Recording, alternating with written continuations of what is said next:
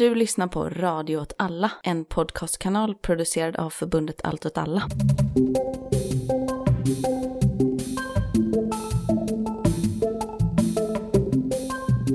Hej och välkomna till eh, Frys hyran-podden. Jag heter Leo och jag sitter idag här med Beda Hej hej. och Sofie. Hej! Och eh, idag så Eh, kommer det bli ett litet 8 mars eh, specialavsnitt av Frysyran-podden. Vi spelar in det här den 21 februari. Och eh, jag kan börja med att presentera Frysyran-kampanjen lite grann. Det är då en kampanj som vi Allt åt alla har som finns i både Göteborg, Malmö, Uppsala och förhoppningsvis på fler ställen framöver. Och det handlar väldigt kortfattat om att vi vill stoppa alla hyreshöjningar. Eh, både de årliga som sker och eh, även de som sker vid renoveringar. Och vill man veta mer om kampanjen så kan man gå in på våra sociala medier. Det finns Fryshyran-sidor där eller Allt åt alla-sidorna har också information om det här. Och sen finns det en hemsida som heter fryshyran.se. Och eh, vi kan ju berätta lite här i Göteborg nu så har vi dratt igång en flygbladsutdelningskampanj där vi planerar att dela ut flygblad till alla hyresgäster i hela Göteborg. Och eh, i, just nu så har vi nått eh, 3000 utdelade flygblad. Och vill man hjälpa till med det här så kan man kontakta oss på våra sociala medier eller kolla på våra sociala medier. Där kan man också hitta inlägg där vi postar en länk till ett formulär där man kan fylla i själv om man vill ha flygblad skickade till sig eller om man vill att vi ska komma och hjälpa er och dela ut era trappuppgångar och så. Ja, det var lite om det.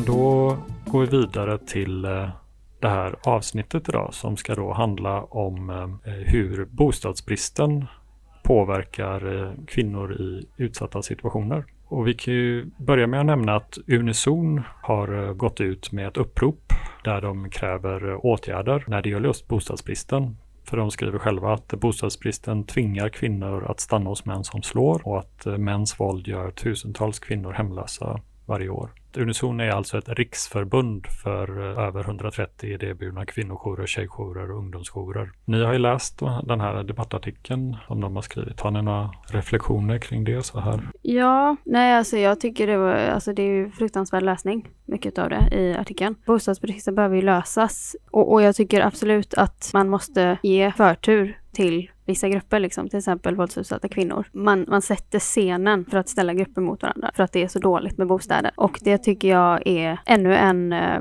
konsekvens av bostadsbristen. Någonting som också har bidragit till det är ju såklart också mäns våld mot kvinnor.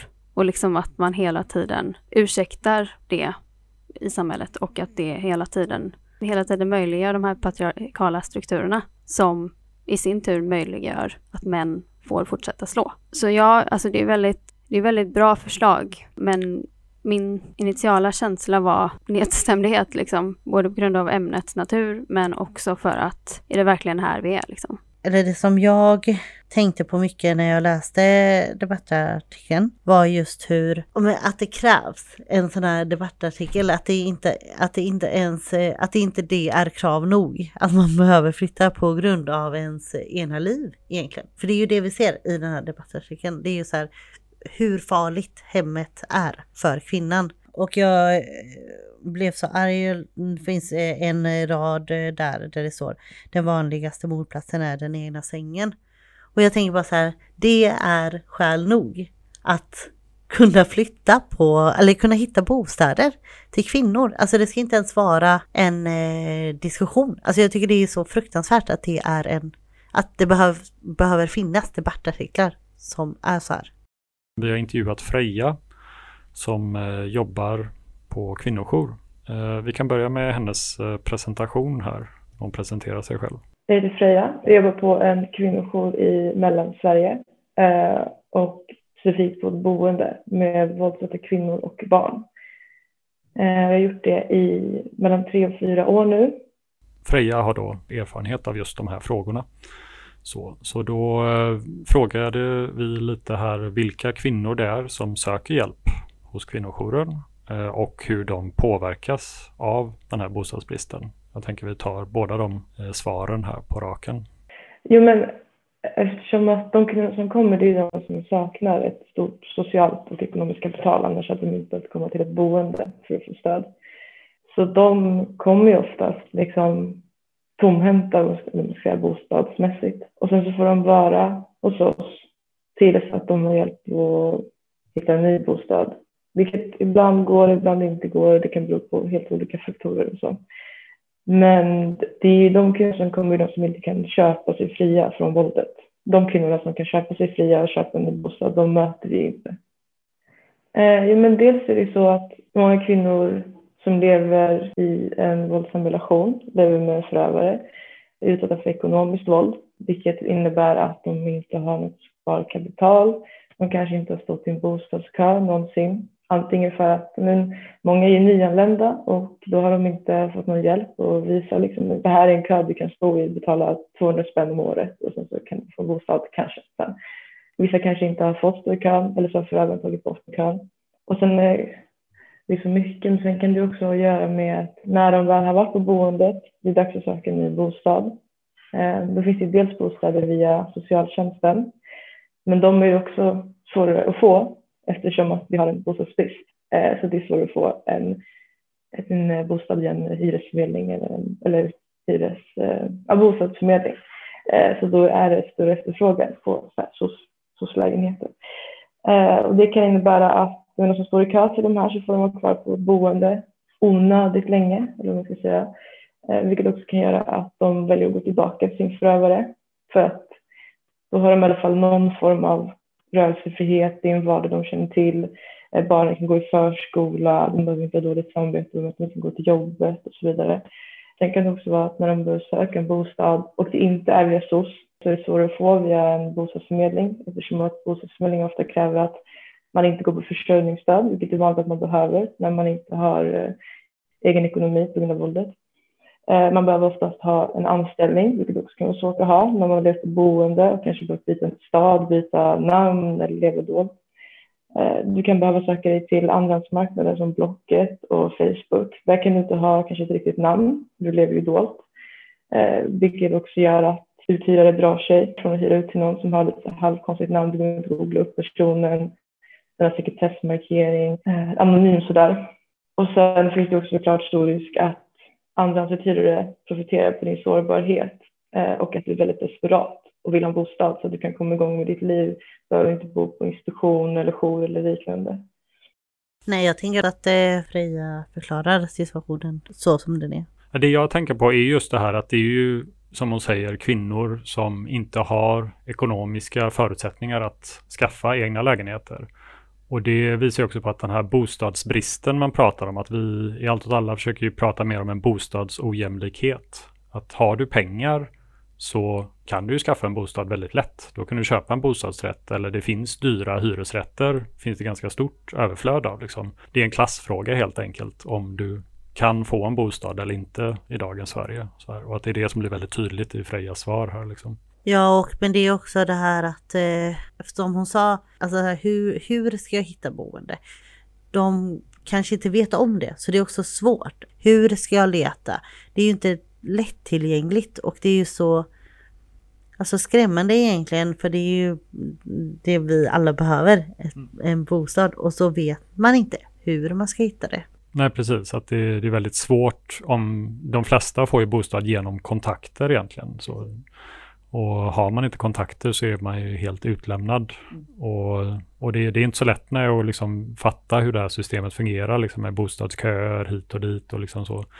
Och att det blir en större och större andrahandsmarknad där människor blir väldigt utsatta liksom. Också att man är helt i händerna på olika hyresvärdar. Eh, jo, men jag tyckte det hon sa om att eh, kvinnorna som kan köpa sig fria från våldet möter vi inte. Jag tycker det var väldigt talande. Mm. Eh, sen tänker jag på en sak. Männen som slår kapar ofta kvinnors eh, band till vardagen. Det kommer ju hon ta upp i och för sig senare, men liksom att eh, det förekommer att männen, eh, de avslutar köplatsen, kvinnors köplatser på en liksom bostadsförmedling. Och det är för att männen i sitt beteende, i sitt våld, är så kon kontrollerande liksom och alltså isolerar kvinnan. Alltså det är ju del av sy systematiken liksom, det systematiska våldet. Ja, jag tänkte vi kan lyssna på nästa fråga och svar här som är, handlar just om det här ekonomiska våldet och vad Freja säger om det.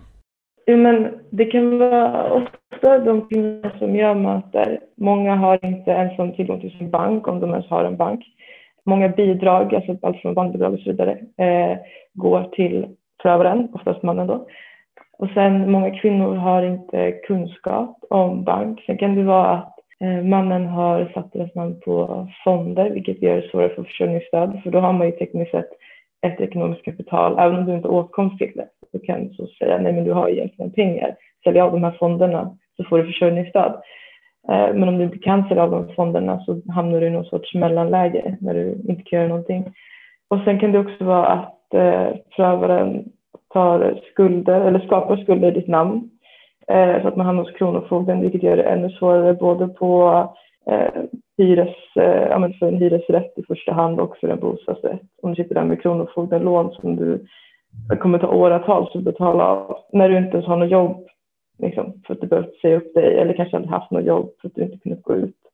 Så väldigt, det är väldigt eh, en lång väg från att vara i ekonomiskt våld till att bli ekonomiskt självständig. Ja, här togs det upp lite det som du nämnde också Sofie. Ja men precis. Uh, hon, hon, beskriver ju strukturerna, det här med det eller liksom systematiska klippandet av banden. Att man saknar kontaktnät liksom, och ett, samma, uh, och sammanhang liksom, är ju väldigt uh, försvagande. Ja, det är ju ofta en del av det här kontrollerande, liksom att mm. ja, avskärma kvinnan från allt det övriga sociala livet på olika sätt. Mm. Jag börjar tänka, jag börjar så gå tillbaka till när jag själv var ung och man eh, pratar om bostäder och eh, alltså som det mest naturliga liksom så här att man ska flytta hemifrån och att det Alltså att, att, det är, att det är så att vi ska liksom, ja, men, ha vår egna bostad. Men så, så, när jag hör Freja så börjar jag tänka, för, för i och med att hon jobb, de jobbar med barn och så också, så börjar jag tänka på, om ni kommer ihåg Ellen och Allan-projektet eh, som Rädda Barnen hade. Det var ju eh, där man skulle prata om eh, om en jämställdhet och Ellen var ju tjejgrupper och Allan var killgrupper. Jo, men jag tror jag kanske kommer ihåg det här Ellen-gruppen gruppen, alltså hade man så här grupper i skolan och sånt? Ja precis. Ja, jo men jag tror jag vet. Och de jobbade ju då från 7 till 25 år. Så det är så här med, med attitydsförändring och liksom sådär. Och det jag, det jag tänker på är att man pratade jättemycket om trygghet. Och också den här alltså hur, hur våld i hemmet eh, normaliseras och liksom. Och jag minns så väl hur eh, många tjejer redan i ung ålder, liksom sin egna sin egen ekonomi och alltså att man kontrollerar sitt liv. Att det börjar så tidigt. Så på något sätt är det ju här också, alltså att det är ju en sån större, det är en sån stor fråga att det, alltså att det verkligen handlar om alltså attityd och inte då egentligen bara från mannen som slår men från hyresvärden, från alltså alla som är en eh, byggsten i, i, i hela den här cirkeln då. Mm. Eh, och, och, att det också, och, och, som sagt redan där som barn när, vi, när, när de jobbade med de här, för de tog ju upp sådana här exempel med bostad och att när bör man eh, sära på sig och att det inte heller är så lätt att sära på sig för bostad. Precis, att det är en så viktig sak att kunna ha ett hem, att mm. ha någonstans där man är trygg liksom så här och att hur, hur det har totalt ja, raderats i samhället som det ser, nu, ser ut nu. Att det, hemmet är inte en social rättighet, någonting mm. som alla ska kunna ha tillgång till, utan det är en vara bara på en marknad. Ja, har du inte pengar eller ekonomiskt kapital och så, liksom, då får man klara sig bäst man kan. Liksom. Precis. Så, så det var det jag började tänka på, hur vi också, att det, var, att det är ganska sorgligt att man lärde sig det som ung inte att man pratade om lösningar, men att så här ser det ut. Mm. Och Förbered er på det. Vad sa du? Förbered er på det. Ja, förbered, liksom. ja att, det var liksom, att det var den tonen. Alltså som jag minns det nu. Och det ju, kan ju varit så i min grupp. Nej men att det är en verklighet som, som man som, som kvinnor behöver förhålla sig till och ni kommer också behöva förhålla er till det här. Mm. Men det jag tänker på är ju också att det bringar lite mörker på något sätt. För att det är också hemskt att man ska behöva rusta upp sig på det sättet. Och typ ja, men som du sa, förhålla sig till det. Mm. Men så här, vad kan vi göra åt det? För jag tänker att det är jättebra att ha med sig det. Men liksom att det ser ut så fortfarande, det är ju det som är Ja, och att det blivit mycket, mycket värre. värre. Precis. Ja, och en annan aspekt av det är ju det man måste lära unga kvinnor idag är att förbereda sig på liksom ett samhälle där man kan bli väldigt, ut, eller där man är eh, liksom by default väldigt utsatt. Inte att eh, nu ska du få flytta hemifrån. Nu, nu, nu börjar ditt liv liksom. Nu kan du satsa på det du vill göra, alltså bara leva. Men, men så är det ju inte. Det är ju inte det man lär kvinnor. Eller det finns ju, två, det finns ju flera sidor utav det här, liksom att man eh, blundar för det men också liksom måste rusta kvinnor, som du pratade om. Liksom. Och det tycker jag är, det är väldigt sorgligt. För, för, för män, lite som vi pratade om innan vi började spela in, att eh, liksom, män premieras ju väldigt högt på olika sätt eh, i samhället. Liksom, att de får, de, behöver, de får inte samma kritik, liksom, men, men tjejer får liksom, de måste bevisa sig mycket mer. Det här är ju på sätt och vis förberedande på det. Att man måste van, förvarna, bara så du vet. Du kommer behöva stå upp för dig själv jättemycket. Och det vet jag att jag måste säga till de barnen som jag jobbar med. Liksom. Att eh, du måste, liksom, du måste ha skinn på näsan. Det är fruktansvärt. Men Ja, att man kanske inte lika mycket säger till de här unga pojkarna då att vi ska inte hålla på och bete er som svin. För det var ju också det man märkte på att man pratade faktiskt om olika saker i Ellen och Allan-grupperna. Halland för killarna var, det var ju inte alls lika, alltså samma typ av information. Medan vi fick sitta och bara så här, ja och efter att de kontrollerar er så kommer första slaget och vad gör man då? Hur tänker man då? Ska man lämna sin bostad? Alltså, Medan de hade en helt annan helt annat samtal. Om de hade gått igenom det samtalet då, ja, efter det kommer du ge första slaget. Nej, Men det- egentligen, alltså, för det är, ju, det, är ju så, det är ju så sjukt att sitta med en grupp tjejer och, och anta att, för att, man, för, för att det också är vanligt, att det här kommer kunna hända. Men vi pratar inte med män så, för vi, kom, vi antar inte att de kommer slå. Men jag antar att kvinnor kommer bli slagna. Ja men precis, alltså mäns våld är mer än konstant. Ja. Känns som. Att, att man liksom, man, man förutsätter redan att det är, Fast man gör inget, man tar inte tag i pojkarna och säger att eh, du ska inte slå. nej men det är verkligen boys will be boys ehm, attityd liksom. Och jag tänker att det är ju också det som leder, om man går tillbaka till bostad då, att det också är, alltså de här flaggorna syns ju antagligen innan man flyttar in, alltså innan man ens skapar ett gemensamt hem. För det blir ju inte ett gemensamt hem, en kvinna skulle aldrig skapa ett hem där den är utsatt och rädd och liksom ehm, så det är det jag tänker att så här, attityderna följer från hela, alltså från start. Vi kan ta nästa fråga här och svar. Och det är då, det här pratar Freja om, eller jag vi ställer en fråga till Freja om, eh, för egentligen så är det så att kommunerna har ju ett ansvar eh, enligt lagar och så att eh, ge utsatta kvinnor en bostad och hur hon tycker att det efterföljs. Men det finns ju, kommunerna har ju upphandlat med lägenheter i städerna och i andra städer. Men eftersom att det är så svårt att få en lägenhet, till exempel via Blocket, Facebook, eh, olika bostadsförmedlingar, med andra hand och första hand generellt, så blir det ju väldigt hög efterfrågan på kommunen och socialtjänsten i de kommunernas lägenheter, vilket gör att kvinnorna och deras barn ofta behöver stanna kvar på boenden väldigt länge, vilket gör att den här processen som kvinnor genomgår när man lämnar en relation, den, alltså våldet tar ju inte slut samma sekund som du lämnar relationen, utan den fortsätter ju väldigt länge i och med de traumatiska banden som du har till relationen. Så gör ju det, det gör det mindre lätt att stanna på ett boende instängd eh, utan rörelsefrihet, när du kan behöva vänta månader. När du egentligen, ja men, man kan säga att men nu är du ganska klar, du har eh, fått de verktygen du behöver för att leva självständigt, fritt från våld, du har sekretessmarkering, du har allt du behöver för att sätta igång, kicka igång i ditt nya liv eller ditt annorlunda liv. Men du kanske ändå behöver stanna på det här boendet väldigt, väldigt länge. Eh, och det kan man ju, det tror jag vem som helst kan förstå, inte är så sporrande. Så. Vilket kan göra att man går tillbaka till förövaren eller tar första bästa oklara kontrakt eller eventuellt hittar en ny person, en förövare, en liknande person, för att man i alla fall vill liksom, kanske sätta barn i förskola, känna att man har någon sorts självständighet. Eh, och inte lever på något kommunalt eller jourboende.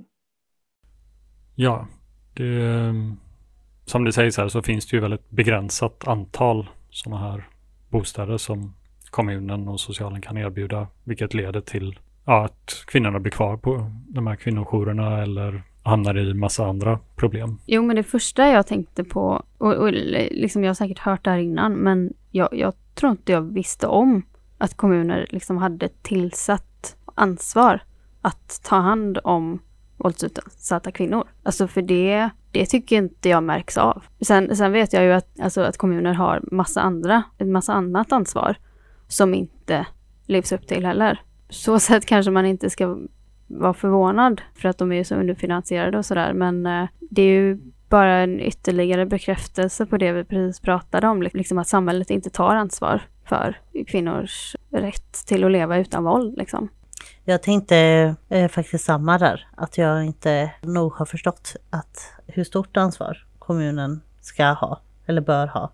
Så tänkte jag också på att eh, jag är från en ganska eh, rik kommun och som har blivit barnens kommun flera år i rad. Och då funderar jag på hur, vad det innebär.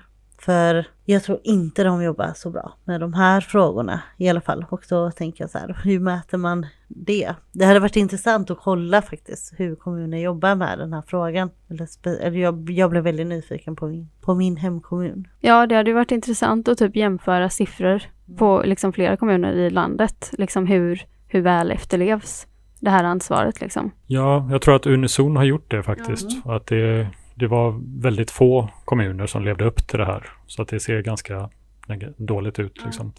Och det, enligt lag så har ju kommunen egentligen ansvar att se till att det finns bostäder för alla dess invånare. Så, och, men det här går ju då emot den här trenden av att ja, det blir mer och mer privata bolag och att eh, de kommunala bolagen som finns ska drivas med vinst och så vidare. Liksom, och, ja, hela nedläggning av bostadsdepartement och så som har skett sedan 90-talet när staten och politiken har tagit mindre ansvar för bostadssituationen i landet liksom, så har ju det här bara gått rakt ut för. Jo men precis, alltså de, det här ansvaret att kommunen ska ha, kunna tillhandahålla bostäder åt alla dess medborgare eller invånare är ju, känns ju ganska urholkat liksom med eh, tanke på alla privatisering och det du precis sa. Liksom. Det är ju inte bara liksom, bostadsmarknaden som man ser det på heller.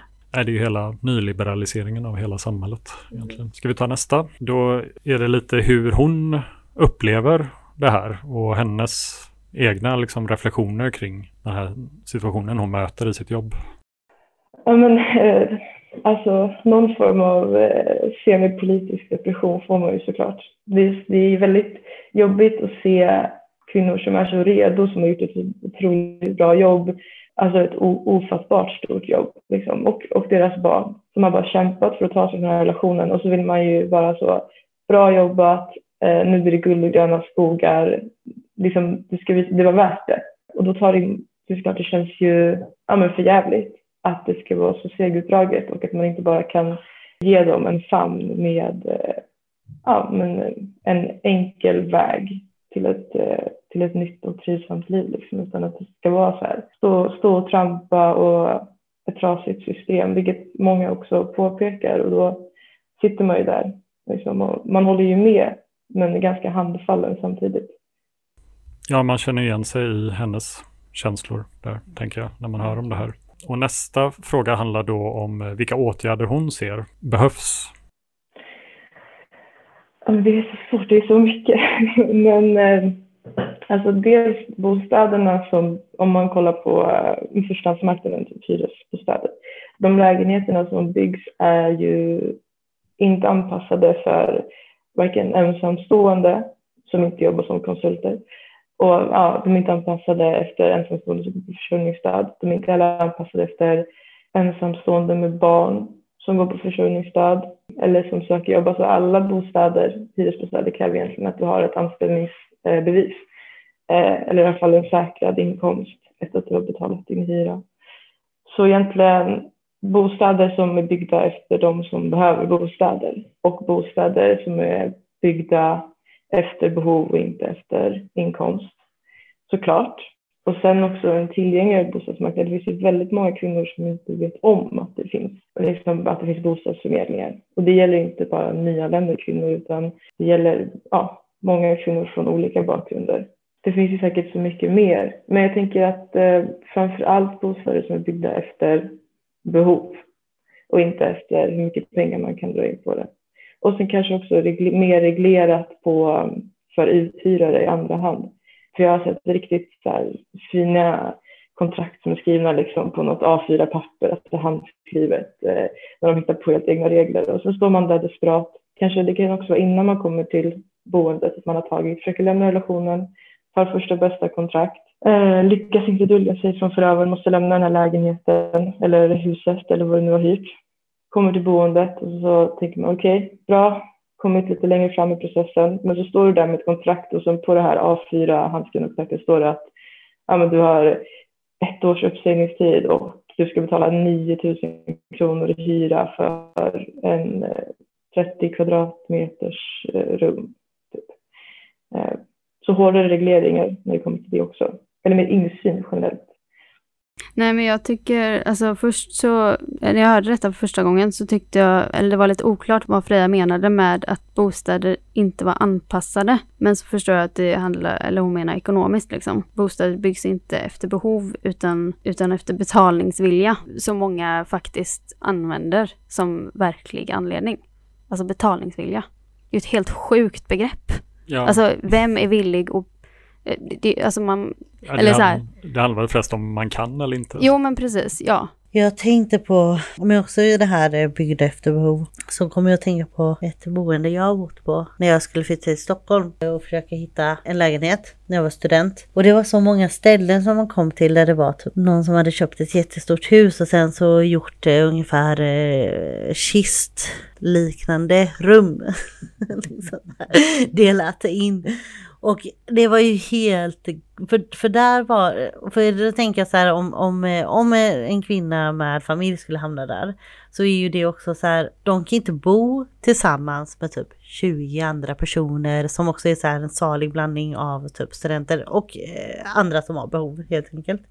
Men det ser ju ut så nu och när jag var där, alltså jag fattade inte ens hur de hade mage. Alltså, typ. för de tog emot många kvinnor eh, berättade om när de gick runt där. Precis som att det skulle vara så här vi är jättetrevliga hyresvärdar. Utnyttja desperata människor. Ja, för det var så otroligt dyrt. Och det var så här delad eh, kök och så det tänkte jag på när Fria pratade just om behov. För ja, bostäder finns men eh, sådana otroliga överpriser och eh, det här stället då framförallt där de tog in så många kvinnor för de var så snälla var ju helt fruktansvärt ställe att bo på. Nej men precis, att det alla nya, både hyresrätter och bostadsrätter som byggs är ju anpassade för människor med väldigt höga inkomster mm. eller väldigt stort ekonomiskt kapital. Liksom, mm. så här. Att det, är, det är ju svindyra hyresrätter och bostadsrätter, ja då måste du ha ett fast jobb och kunna ta lån och så vidare. Liksom, så att det är ju väl, det, det är färre och färre som har möjligheten till det, men det, mm. det är liksom det som byggs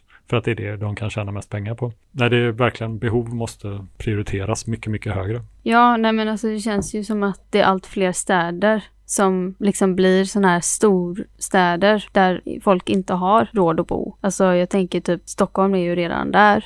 Eller New York känns ju som att de också är där fast mycket längre fram. Och nu man vill styra Göteborg in på det också. Mm. Liksom, och, och, det är ju många som säger att, som jobbar med bostäder, typ eh, politiker och sånt, som säger att nej men alla kan inte bo vart de vill i Göteborg. Eh, eller han, Axel Josefsson har ju sagt att eh, om hyran höjs för mycket, eller liksom om någon inte har råd att bo någonstans, ja då får de hitta en annan bostad. Alltså det är ordagrant ett citat. Ja, det är ju det här att allt ligger på individen. Samhället ska inte ta något ansvar. Det är ju den här högerpolitiken som drivs av alla, även sossarna driver det. Och att man ser det som politiskt att kräva att det ska byggas billiga hyresrätter. Men man ser inte det som politiskt att det bara byggs dyra hyresrätter och bara bostadsrätter. Så här, liksom att man är helt blind för att det är så politiskt laddat där. Men vi kan ju, när vi är inne på politiker så kan vi lyssna på de sista två svaren och det handlar då om politikers agerande vad Freja tänker om det och också om det har skett några förändringar de senaste åren.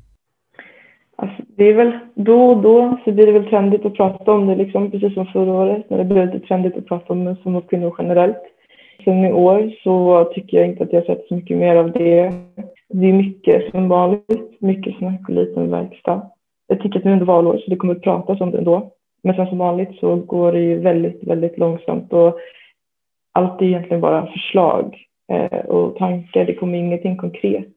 Eh, det är ingen större dialog med kvinnojourer och eh, boenden runt om i landet. Där. Vad, vad jag och mina likar har kunnat se eller märka av. Så, så nej, jag skulle inte säga att eh, politikerna gör så mycket i praktiken, mer än, mer än för sig själva så, mm. karriärmässigt. Det, det är väldigt svårt att avgöra. Jag tycker att som det mesta när det kommer till eh, myndigheter eh, och myndighetsarbete så går allting väldigt långsamt. Det är ingen drastisk skillnad uppåt eller neråt. Så jag kan säga, förutom kanske att det finns mer lägenheter ute på Facebook för att Facebook Marketplace finns nu. Så folk lägger upp mycket bostäder där. Det betyder inte heller någonting positivt. Eh, det betyder ju bara att eh, folk kan ta mer ocker av människor som är desperata och behöver det. Liksom.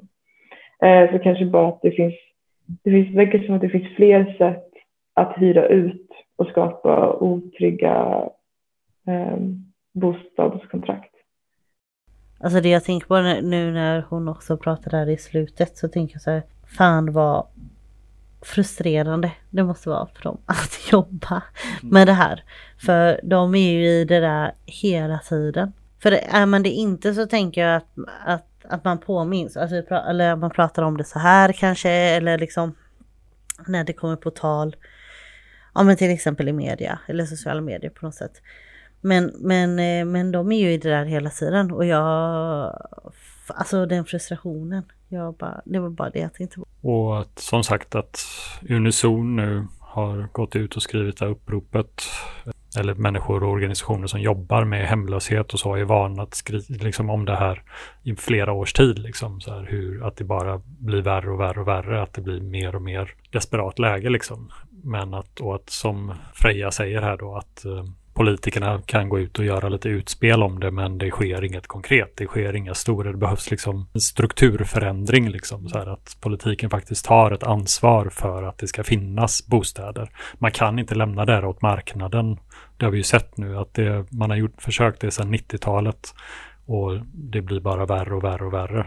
Ja, som du sa förut Sofia, att det kommer bli som i andra storstäder utomlands, att det står en massa tomma lägenheter bara för att folk tjänar pengar på dem. Att det är mer värt att ha tomma lägenheter än att folk faktiskt kan bo i dem. Jag tycker det är väldigt intressant hur man motiverar det här med marknadens liksom, intrång i våra liv med att det finns en god vilja, vilket det så uppenbart inte finns. Utan man måste lagstifta om välfärd och för att det ska efterlevas. Och även då funkar det inte, uppenbarligen. Ser vi ju. Nej, det är väl hela problemet med att vi lever i ett kapitalistiskt samhälle där vinst är det som allting ska sträva efter. Ja, mm det är inte våra behov, det är inte människors behov som ligger i centrum. Marknaden är helt värdelös på att lösa människors behov. Jag bara tänker, tror ni också då att, alltså om man inte är där själv, alltså som det är med mycket, att man glömmer, glömmer bort den här frågan? Är den här frågan lätt att glömma bort? Jag tänker i och med att det är så tungt så vill väl de flesta människor inte behöva tänka på det, tyvärr. Och det, som sagt, det dyker upp då och då som förra våren när det skedde flera kvinnomord på väldigt kort tid så blir det stor medial uppmärksamhet kring det. Det ju, känns ju som att det är bara ekonomiskt redan starka grupper som får sin talan hörd i samhället. Liksom. Att de här människorna eh, har inte ett kapital eller liksom möjligheter att göra sig hörda. Eh, ju mer utsatt du är, desto mindre uppmärksamhet och liksom fokus läggs på dig. Mm. Ja, nej, alltså jag tänker att, eh, vet jag inte om någon politiker någonsin har kommit så långt, vandrat den vägen. Men liksom som, som tjej så vet jag att det är väldigt, eh, det är ju väldigt svårt att stå upp mot eh, patriarkala strukturer, liksom att kräva sin rätt och att eh, i sådana här eh, miljöer och kulturer där, där liksom man man inte får gehör, man inte står upp för varandra, liksom tjejer man inte får stödet man behöver och sådär. Så, alltså frågans natur är ju väldigt svår. Eh, den är ju väldigt eh, svårbehandlad om man säger så. Så jag kan ju tänka mig att eh, det är väldigt svårt att närma sig frågan. Dels för att den är så omhuldad av strukturer, men också för att det är en väsentlig del av kapitalismen också, patriarkatet. Det, de upprätthåller ju varandra. Ja, de går ju verkligen hand i hand. Mm. Jag kan ju bara kort säga att det här Unisons eh, krav eh, som de har i sitt uttalande går ju väldigt mycket ihop med det Freja pratar om. Att det behövs byggas fler bostäder för eh, alla människor i samhället, även de som inte har ekonomiskt kapital. Att vi har ett problem i samhället som behöver lösas och det, det brådskar mer och mer. Och jag kan också säga att Freja heter egentligen någonting annat. Det är ett fingerat namn för hon ville vara anonym. Men eh, då tackar vi för oss och eh, hoppas eh, att vi hörs snart igen. Mm. Ha det bra. Ha det, bra. Ha det fint.